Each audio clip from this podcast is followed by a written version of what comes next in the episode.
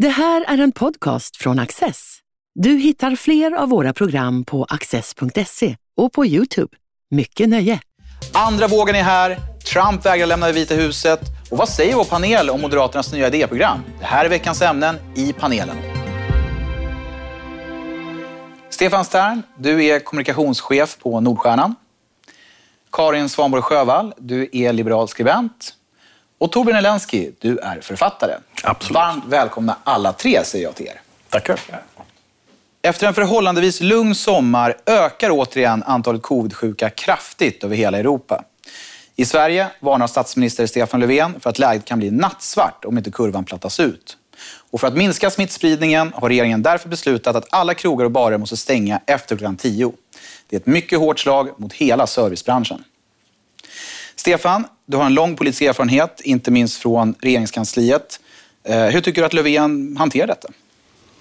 Ja, man kan säga mycket om eh, regeringens hantering och jag tror syvende och sist så kommer man mätas på två saker. Det ena är arbetslösheten och det andra är antalet eh, döda i förhållande till befolkning.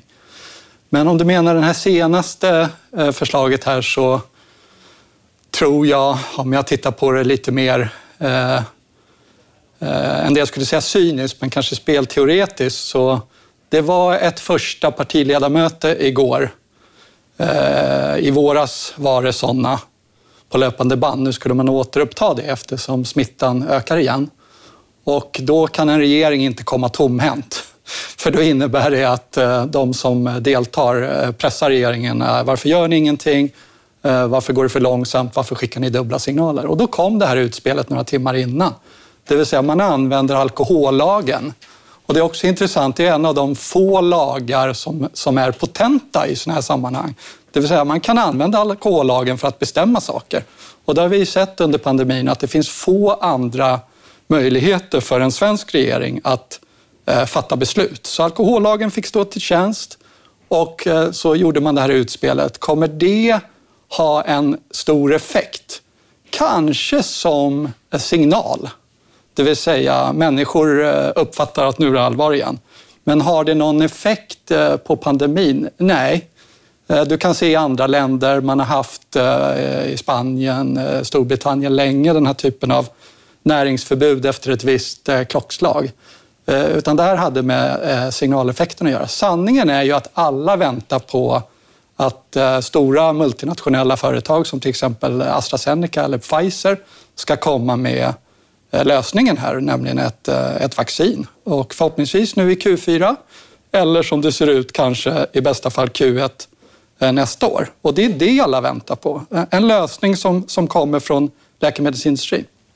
Och när du säger Q1, Q4, alltså kvartal 1 och kvartal 4 då? Ja, det vill säga en del säger ju redan december i år, men, men, men det kanske är januari, februari nästa år. Hade man verkligen velat göra någonting åt den svenska situationen, som man tittar i våras, där visar det sig att, att svenska lagar och offentlig byråkrati är rätt hämmande. Du hade till exempel det här att eftersom det offentliga är indelat i regioner och kommuner och så staten, så får ju kommuner i Sverige inte anställa läkare. Och det slog ju stenhårt mot där smittan var som värst, nämligen inne på äldreboenden. Du har också ett remissförfarande i Sverige om du ska testa dig. Du fick aldrig upp volymen på testverksamheten, testa, smittspåra, isolera genom att det blir för låg volym om det ska sitta en läkare och bestämma om du ska få testa dig. Ta det här att du inte kan eh, skilja på en smittad äldre och eh, äldre som ännu inte är smittade eller slipper smittan på ett effektivt sätt på äldreboende därför att besittningsskyddet gäller i eh, särskilda boenden. Det vill säga, du kan inte flytta den äldre från sitt eget hem, det vill säga det rummet. Inte ens tillfället för att skilja smittade frö. Så att det har visat sig att du, du, du måste ta itu med rätt mycket, tycker jag, på riktigt inom, eh, ska vi kalla det förvaltningsmodellen eller, eller byråkratin. Vad säger våra andra panelister? Alltså jag tror att på, på sätt och vis så är det kanske lättare att genomföra åtstramningar nu på grund av att det kommit en nyhet om att ett vaccin är på gång. Alltså det finns någon slags ljus i tunneln och det gör kanske också att människor är mer benägna att acceptera nya restriktioner som hade varit mer svårsmälta i något annat sammanhang. Men jag tror precis som du Stefan, det här är symbolpolitik. Jag tror inte att det i sak kommer göra jättestor skillnad för, för själva smittan ytan om man säger så. Men det finns ett behov av regeringen att visa handlingskraft nu. Jag tror att man är lite stressad över att Moderaterna verkar ha liksom ändå hittat ett spår nu som fungerar. De kommer upp i, i opinionen. Det är ganska hård kritik mot Lena Hallengren och hennes hantering av det här när de skyller på regionerna för att man inte fått igång eh, den här liksom, testprocessen ordentligt. Eh, så att jag, jag, tror att man, man upplever nog att det här är en, en svag punkt. Och om det tidigare var så i våras att nästan vilken sittande regering som helst tjänade på den här pandemin därför att det var en sån här rally around the flag-effekt så tror jag att, att nu börjar det bli farligt att vara regering liksom, kring en andra våg. Ja, och det är ju väl, väl eller illa tajmat mot valet 2022 också. Mm. Det kan straffa sig ordentligt där tror jag. Speciellt om arbetslöshet, arbetslösheten går upp ordentligt och ekonomin ner. Och det verkar den ju göra. väldigt, väldigt mycket. Jag kollade några siffror nu eh, på morgonen här bara. Alltså det är, vad är det, 4,9 procent som den globala BNP väntas gå ner. Mm. Och mer än 11 procent handel överhuvudtaget. Och Sverige, även om vi gör vår politik är så gott vi kan, så är vi fullkomligt beroende av att resten fungerar. I Europa har vi också ett antal länder som är väldigt beroende av turism. Och deras BNP går ner radikalt mycket mer än det globala genomsnittet. Alltså Grekland, Italien, Spanien, även Frankrike. Så att vi sitter i EU och kommer få en väldig börda tror jag. Plus ökat migrationstryck som kommer också. Eftersom många länder kommer gå riktigt åt helvete för på södra sidan av Medelhavet. Ja. Eh, jag såg också att nyheten kom igår att långtidsarbetslösheten ökar och den är högre än den var under finanskrisen. Och det är väl inte långsiktigt. Jag tänker att det är kopplat till, till eh, covidkrisen. Vad är det för åtgärder man kan tänkas sätta in för att, för att minska den? Då? Vad har regeringen i sin verktygslåda? Naturligtvis så kan man ju fortsätta återföra en del av de skatter som man har gjort hittills till eh, branscher och företag i krissituation. Man kan fortsätta att stödja löntagarna direkt som man har gjort det allra största stödet i form av eh, permitteringar, korttidsstöd. Permitteringsstödet går ju till människor som, som slipper därmed bli arbetslösa. Och du kan ju till exempel nu, tycker jag vore klädsamt, när, när en redan utsatt bransch, eh, restaurangbranschen, får i praktiken ett näringsförbud och efter 22.30 att du att du kompenserar och återför skatter även där. Eh, och det är den typen av, av, av, av eh, verktyg som finns kvar. Eh, det har ju varit ett antal goda år, starka statsfinanser.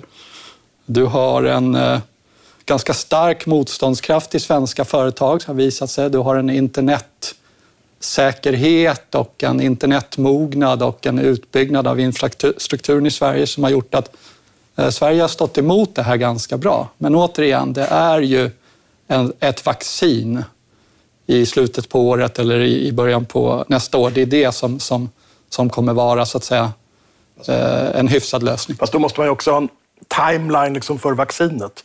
För det ska tillverkas alltså då miljarder antar jag doser. De ska distribueras och så vidare. Det kommer ju ta hela nästa år, minst. Men, Även om det kommer. Men en, en, diskussion som jag väntar på, som jag inte sett så mycket av än, det är ju också apropå tajmingen i de här stimulansåtgärderna. Den förra budgeten som lades var ju historisk, över 100 miljarder. Det var en mm. jätte jättebudget. Och jag tycker att så här, det är ganska svårt att förstå varför man valde att bränna detta jättekrut så där på en gång när Folkhälsomyndighetens strategi alltid har utgått ifrån att det här är något som kommer att ta tid. Hela strategin har byggt på att vi ska orka hantera de här restriktionerna.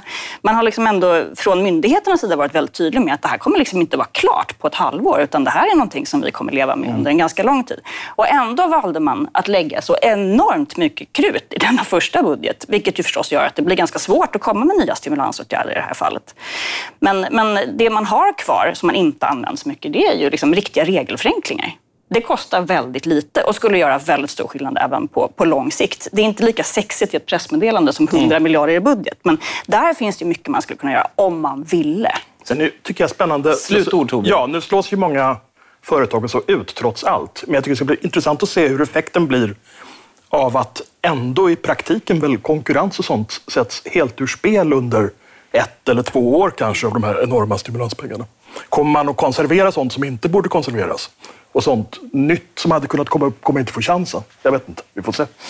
Du, vi får se. Eh, det är dags för oss att resa över Atlanten, för det är dags för veckans andra ämne. Det har gått mer än en vecka sedan valet i USA och det står nu klart att Joe Biden har tillräckligt med elektorer för att bli landets nästa president. Men Donald Trump hävdar valfusk och vägrar att erkänna sig besegrad. Och än så länge har han det republikanska partiet bakom sig. Hur ska vi tolka det som nu händer i USA? Eh, jag vänder mig till dig Torbjörn. Vad är dina tankar? Min tanke är att det nog finns väldigt många republikaner som är väldigt besvärade av det här. Men man vill ju inte bli så att säga, fiende med Trumps stora väljarbas.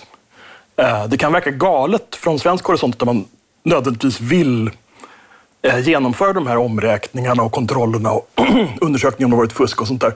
Men med tanke på hur extremt hög, högt misstroende det finns så att säga, från då vissa republikaner så tror jag det verkligen, verkligen är viktigt att man gör det här. Faktiskt, för att man då på något objektivt sätt kan säga att nej, det har inte varit fusk. Vilket det ju troligen inte har varit, mer än en mycket begränsad omfattning i så fall, om det överhuvudtaget har varit. Um, alltså det måste, man måste komma till ett läge där bägge parter accepterar valresultatet. Annars har man ju ett fullkomligt förfärligt problem som kommer att vara som en varböld och bara bli värre och värre under fyra år. Om hälften säger väljarna inte accepterar sittande regering så blir det ju, eller sittande president så blir det ju lite jobbigt. Vilket i och för sig har varit fallet redan under Trump, då, men på lite andra förutsättningar. Karin? Jag läste en undersökning igår tror jag var att ungefär 60 procent av de, som, de republikanska väljarna som hade lagt sin röst på Trump som, som, som, helt, som helt och hållet köper in på det presidenten mm. säger kring att det här är ett riggat val. Uh, så att, att, just att hitta något sätt att återfå förtroende för själva valprocesserna kommer ju bli jättesvårt men också extremt viktigt. Och man ska komma ihåg att det här var ingenting som hände nu. Innan Trump blev vald så flyttades USA ner i Economists lista över fullgångna demokratier. Och detta var som innan han blev vald därför att förtroendet för systemet, förtroendet för politikerna förtroendet för partierna var så lågt att, att i det här indexet så föll man ner. Därför att det är liksom en förutsättning för att man ska kunna vara en fullvärdig demokrati, att det finns ett sådant förtroende i systemet. Och det har ju gissningsvis inte blivit bättre under de senaste fyra åren. Så det här är nog lite grann av en, en ödesfråga um, för, för hur man ska få det här landet att fungera. Också, också en ödesfråga för medierna, för de är ju så uppenbart partisan. Liksom. De tar sida, medierna i USA, på ett väldigt tydligt sätt. Det tror jag är väldigt skadligt för förmågan att hålla, upp, hålla ihop en fungerande gemensam offentlighet. Det finns några tendenser i Sverige också. Jag tror det är mycket oroande faktiskt. Eh, intressant. Fox News som, som eh, ja, det känns som liksom varit eh, ganska positivt inställd till Trump, eh, minst sagt, eh, bröt ju faktiskt en presskonferens från Vita huset där, där nyhetsankaret då sa att vi kan inte det finns ingen bekräftelse i, i... De måste ju tänka på sin trovärdighet i flera steg, vilket är helt nödvändigt. Stefan? Nej, men det här efterspelet från Trumps sida efter så att säga, den sannolika valförlusten, det visar ju varför det är... Det är ett av tecknen på Eh, varför det är så stor eh, lättnad egentligen, över, inte bara i, i USA och även i Republikanska partiet, utan eh, över hela världen egentligen, att valutgången ser ut att ha blivit som, som den blev. Och för min del så handlar det faktiskt mest om det de delar som är mer åt utrikespolitik och internationella relationer. Jag tänker på frihandel, men jag tänker faktiskt på sådana praktiska Eh, viktiga saker som boots on the ground. Jag, jag, tror att det hade varit väldigt farligt och skadligt om Trump hade fått under fyra år till dra tillbaka trupper och destabilisera oroshärdar ute i världen. Det tror jag hade varit irreversibelt i vissa delar. Eh, hans syn på Nato är obegriplig. Inte det att man ska betala upp om man är medlem, utan den här lättvindiga hanteringen av det som är Eh, en slags eh, världspolisroll som, som, som, som den liksom ledande nationen för den fria världen faktiskt har tagit på sig. Det kan man ju sitta och filosofera över, men, men det är ju rätt viktigt för stabiliteten i världen, så det tror jag är, är det viktigaste. Den inhemska delen det vill säga politiken i USA, det ser jag som möjligt att åtgärda efter fyra år eller åtta år, om man nu skulle vara lagd åt hållet att, att, att, att man inte har, har gillat den. Men just den här eh, synen på hur världen samarbetar, den, den tycker jag har varit skrämmande. Så det är stor lättnad. Nu har det ju för sig varit en del historiska fredsavtal med Israel och sånt, inte sant? Det är sant. Och han har ju dessutom, inte för att jag är någon Trump-apologet, men han har ju haft rätt om handelsbalansen med Kina till exempel.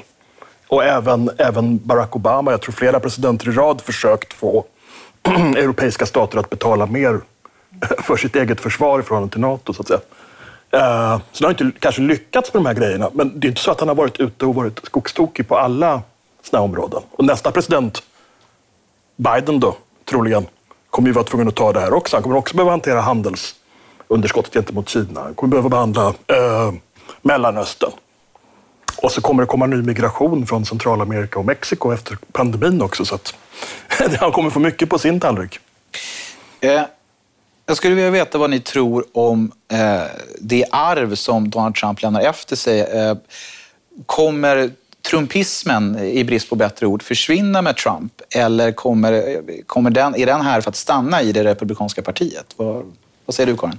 Jag tror att den är här för att stanna. Alltså det kommer ju aldrig komma en till Trump. Det är svårt att föreställa sig. Är det så? En, en, nej, alltså så här, en, det finns bara en Trump. Um, men däremot så tror jag att väldigt mycket av det liksom ideologiska arv uh, som han lämnar efter sig, det kommer att finnas kvar. Jag har otroligt svårt att tro på de här um, hoppfulla eh, tankarna som man hör ibland kring att liksom, så här, nu finns det möjlighet för en ny Reagan. Eller liksom, så där. Jag, jag, tror inte att historien upprepar sig på det sättet. Utan eh, även även Demokraterna tror jag på många sätt kommer att fortsätta på mycket av den inslagna vägen. Det kommer att bli ett mer konstruktivt, en mer konstruktiv attityd eh, till omvärlden. Men jag tror inte att de kommer att vara mer sugna på att betala för Nato, eh, kanske än de varit tidigare. Eh, utan, och jag tror också att liksom det här kulturkriget och det här sättet att liksom organisera politiken utan, utifrån liksom demografier och identiteter kanske snarare än, än den gamla vanliga vänster-högerskalan som vi är vana vid. Det tror jag också kommer att finnas kvar. Så det är inte så att vi kommer att se, tror jag, en ny libertariansk eh, amerikansk republikansk kandidat efter honom, utan det blir nog någon variant på det som vi har sett nu. Men, men, men som sagt, förhoppningsvis något mindre det volatil. Det är, det är inte på sätt och vis heller bara Trump som har startat trumpismen, utan han hakar ju faktiskt på de här birthers, de här som förnekar att Barack Obama var amerikan. Han hakade på Tea Party-rörelsen som var igång långt innan han gav sig in i politiken så att säga. Så att han har ju haft en sorts... Det fanns innan, innan han började surfa på vågen och vågen kommer väl att fortsätta. Förstärkt då av honom. Det sägs ju att USA är uppbyggt av checks and balances. Det finns institutionella spärrar för att någon ska kunna ta, ta makten helt och, och, och så vidare. Eh, men eh, samtidigt är ju liksom alla demokrati, demokratier beroende av liksom en, äh, bibehållna normer. Det som sker nu i USA, finns, finns det en risk för att demokratin kan bli eh, permanent skadad om inte den här eh, om inte liksom maktöverföringen går korrekt till då i januari? Alltså, jag, eh, risk finns det väl att demokratin på den högsta så att säga, nivån blir det. Men USA är ju ett land där man har val på väldigt, väldigt många olika nivåer, eller hur? Man väljer ända ner till lokala sheriffen och sådana saker. De har en helt annan... Det är ett land som är mycket mer... På och åklagare. Ja, det är mycket mer genomsyrat av demokrati på alla nivåer i det amerikanska samhället. Och det tror jag verkligen inte kommer vare sig förändras eller skadas. Däremot finns det ju... Det, kommer väl fortsätta det här. Alltså republikaner kommer vara väldigt fientliga mot Biden. Leta efter fel, jaga honom och hålla på. Och nästa president, vem den blir, kommer råka ut för det här också. Men det har ju hållit på rätt länge nu. Jag vet inte om det, någon som kan historien bättre kan säkert kartlägga det här, men redan Clintons, på Clintons tid var det ju ständiga rättegångar. De försökte få bort honom på olika sätt. Runt Bush minns vi att det var sånt. Med Barack Obama, det här att han inte skulle ha varit född i USA och så vidare. Det är som att man har försökt... Alltså det grundläggande problemet på den nivån är att man har så att säga slutat att se sin politiska motståndare som legitim egentligen. Och det är skadligt för demokratin. Men det började för 20, 25, 30 år sedan och har bara blivit värre. Och det kommer nog inte att bli bättre snabbt i alla fall. Slutord, Stefan? Nej, men jag delar mycket den uppfattningen. Jag på, på samma sätt som, som jag nämnde det förra området kring handel och utrikespolitik så tror jag att det är snarare förlängningen av en Trump-period som hade kunnat på allvar skadat. Om man använder presidentmakten för att söndra på det här sättet så Eh, Eh, så är det till slut så att det får eh, effekter hur starka institutioner än finns. Men sen är det intressant att väljarna förefaller ha byggt in en sån här eh, politisk balance genom att ge Republikanerna, som det ser ut, senaten. Och det innebär ju att Biden vann sannolikt här som presidentkandidat, men, men själva kompromissen inom Demokraterna med Sanders-falangen och så vidare förefaller ha gjort att, bland annat bidragit till i alla fall, till att, att det gick som det gick i senaten. Så att det är ju ett land där man balanserar den politiska makten på olika sätt och här har väljarna, som det ser ut, också gjort det. The wisdom of crowds. Ja. Kanske det funkar på något konstigt sätt ändå. Här funkade det. Mm. Ja, vi följer med spänning, men nu är det dags för oss att åka tillbaka till Sverige. Frihet och ansvar, det är ledorden i Moderaternas nya idéprogram som presenterades i lördags. Arbetet har pågått i mer än ett år och ambitionen är att knyta an till partiets liberalkonservativa rötter. Men vad tycker vår panel om innehållet? Karin, du får börja. Jag tycker det är rätt bra måste jag säga. Det var ju rätt mycket magsura kommentarer när det tillsattes. Det har väl varit lite blandade recensioner nu sen det släpptes också. Eh, och det tror jag mycket bygger på att man har, man har liksom haft fel förväntningar på vad ett sånt här program liksom ska åstadkomma. Man säger, ja, men kommer väljarna bry sig om det? Så här, nej, det är ganska få väljare som läser ett idéprogram. Det spelar däremot roll internt i partiet, alltså att partiledningen ändå stakar ut någon typ av, av linje. Ehm, och inte minst nu när man befinner sig i ett politiskt landskap som man inte känner sig liksom hemma i eller har så mycket erfarenhet av tidigare så tror jag att det har varit ganska bra. Sen tycker jag också att det finns en del rätt pigga nya inslag, en del roliga begrepp. Man pratar om funktionell anpassning som liksom en medelväg till det här med, med mångkultur eller assimilation. Man pratar om realistisk optimism, ehm, där jag också tycker att det finns en rätt intressant slagsida mot liksom Sverigedemokraternas mer liksom dystopiska konservatism. Det är också ett sätt att, att, så att säga, patentsätta en egen konservatism som också särskiljer nu när alla plötsligt pratar om ett konservativt block utan att egentligen veta vad det är för ideologiskt innehåll som man försöker definiera.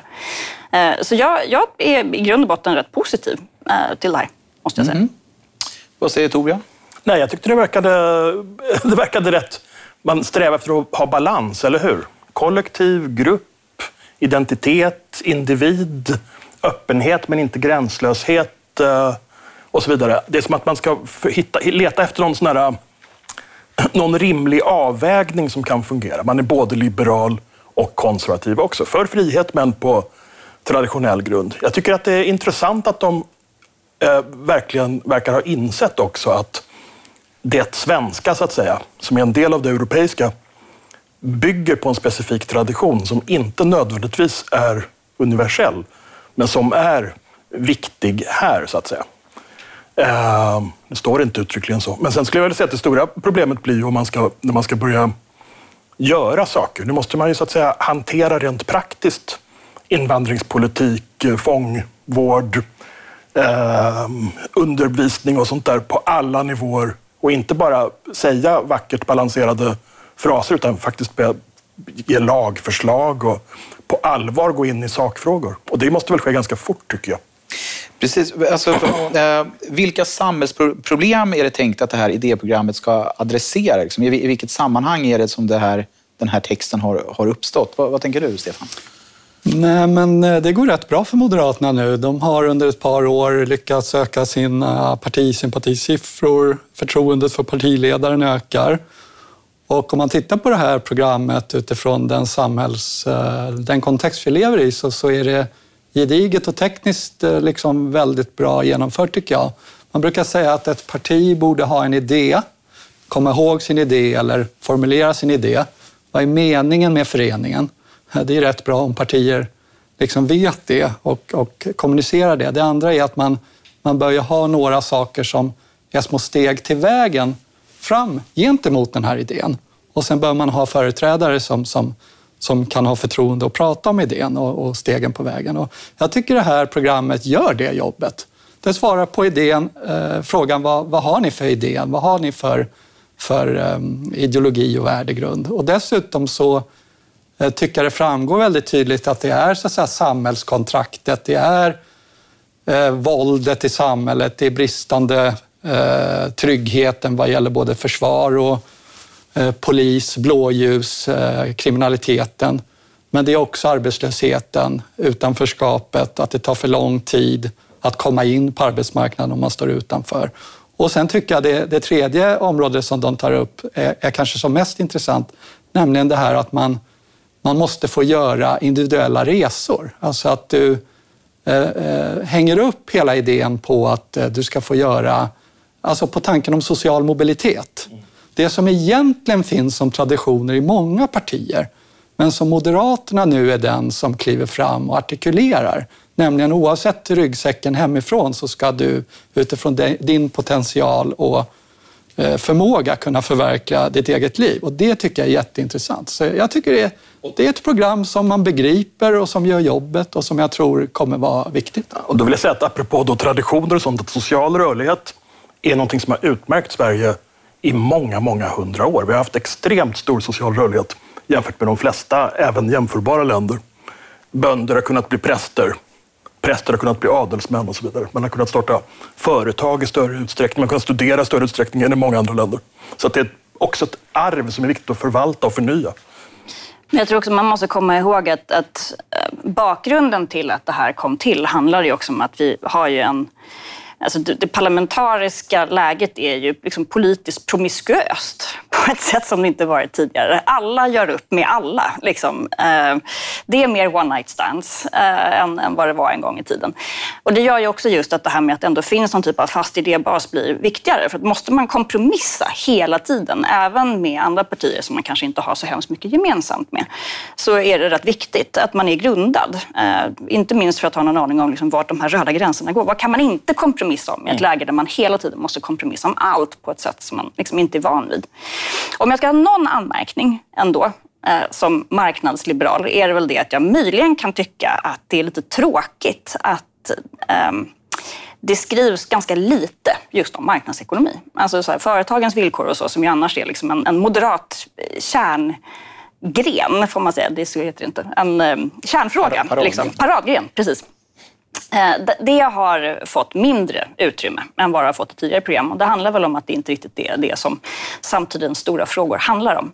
Men det borde ju samtidens stora frågor handla om i större utsträckning. Och därför så tror jag att det hade varit inte så dumt om man hade kunnat lägga lite mer fokus där. Torbjörn, du ville komma in. Då ska jag väl i gengäld säga att jag tycker att det skulle vara ännu mer om kultur. Och jag tycker överhuvudtaget att, att uh, borgerliga politiker moderater inte minst, de borde engagera sig mycket mer i kultur.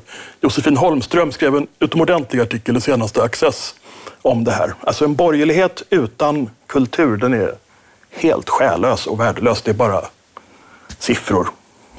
Och de orden får avrunda det här avsnittet av panelen. Stort tack för att ni har varit med och stort tack för att ni har tittat. Du har just lyssnat på en podcast från Access. Du vet väl att vi också är en tv-kanal och tidning? Teckna en prenumeration idag på access.se.